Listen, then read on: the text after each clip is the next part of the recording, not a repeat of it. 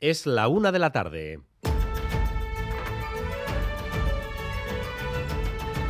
Crónica de Euskadi con Dani Álvarez. A Rachaldeón, Euskadi va a seguir subvencionando el transporte público al 50%. Tras semanas de pugna y debate entre el PSE y el PNV, junto con el Gobierno de España, finalmente las instituciones vascas se van a hacer cargo de un coste que supone más de 70 millones de euros. Lo apuntaba esta mañana Pedro Azpiazu en Boulevard, lo confirmaba, entre otras, la diputada de Transportes de Guipúzcoa, Rafaela Romero. Tendría cierta lógica mantener bueno, pues, unas deducciones a lo largo del primer semestre, evaluar el nivel de inflación que va a haber a finales de este primer semestre y a partir de ahí tomar la decisión de seguir o no seguir. Es que hay que hacer eso en política, porque tú no quieres ejercer tu competencia, no se va a quedar el ciudadano o ciudadana sin el descuento. Ha sido una mañana de contactos, de debates, de declaraciones para llegar a esta decisión. Insistimos, independientemente de lo que haga el gobierno de Pedro Sánchez, en Euskadi el transporte público seguirá bonificado y Manuel Manterola. De hecho, las diputaciones, el gobierno vasco tienen dinero reservado en los presupuestos para el año que viene. Claro que algunos insisten en que esas cantidades se reservaron pensando, dando por hecho que el gobierno español prorrogaría ese descuento del 30% que ha ido bonificando hasta ahora y que las instituciones vascas se encargarían del resto. La duda parece despejada. Ocurra lo que ocurra, seguirá habiendo descuentos, pero queda latente la pelea en torno a su financiación. En el Congreso de los Diputados hoy tenemos un superjuego jueves. Se votan los presupuestos, se votan los nuevos impuestos extraordinarios y se vota también la reforma del delito de sedición.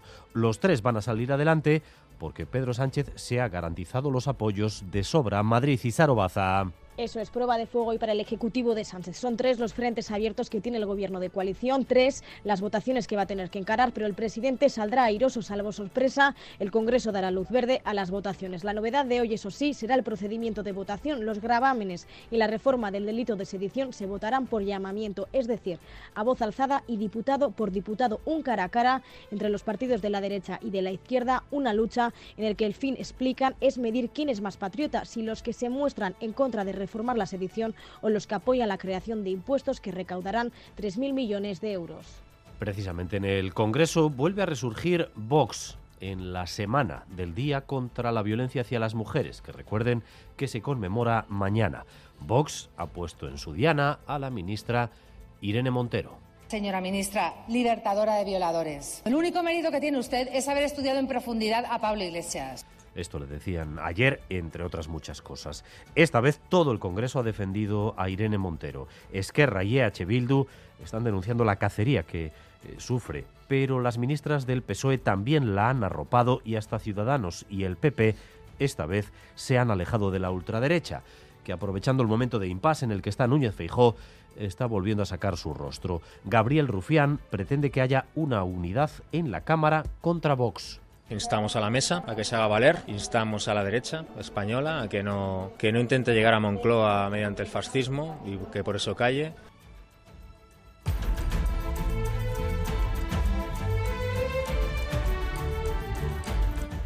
La ministra de Interior de Alemania se ha convertido en todo un símbolo de quienes dicen no al Mundial de Qatar. Ayer en el partido de su selección se sentó en el palco con el brazalete arcoíris que la FIFA no quiere ni ver en el Mundial de la Vergüenza.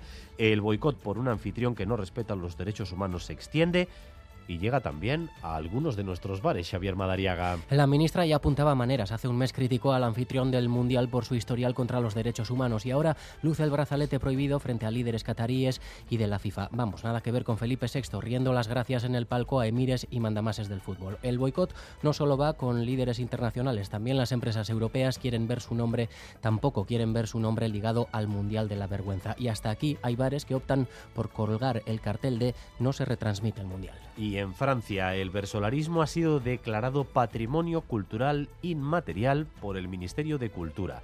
La asociación en Laguna ha recibido la noticia en Iparralde con gran satisfacción, sobre todo porque implica un reconocimiento para el euskera en un territorio donde todavía no es lengua oficial. Ainhoa Elizondo. Honen balio nagusia da onarpena eta ba, prestigioa esango dugu ez. E, ez dugu aztu behar e, Ipar Euskal Herrian e, Euskara ez dala ofiziala. Eta hala ere euskara utxez egiten den e, ba, ekintza bat e, hola prestigiatzea eta sartzea pixkat kultura ondoraren e, inventario horretan ba, oso albiste pozgarria da eta lehen esan dudan bezala da aitortza izugarri bat. Y hoy también hemos conocido las principales novedades y cifras de Durango Coazoca. Recuerden, del 7 al 11 de diciembre. Este año vuelve a su formato habitual 930 novedades y más de 250 actos programados. El pabellón de Landaco contará con casi 250 stands y 176 participantes. Y vamos también con lo más destacado del deporte con Álvaro Fernández Cadierno. Arrachaldeón, Álvaro. Arrachaldeón, Dani, con otro día intenso en Qatar. En el Mundial echa el telón la primera jornada con los debuts de Brasil y de Ghana. La gana de Iñaki Williams a las 5 será titular el del Athletic frente a Portugal de Cristiano Ronaldo y en un grupo en el que también se juegan desde las dos el Uruguay Corea del Sur. Tenemos un marcador en el grupo G. Suiza le ha ganado 1-0 a Camerún.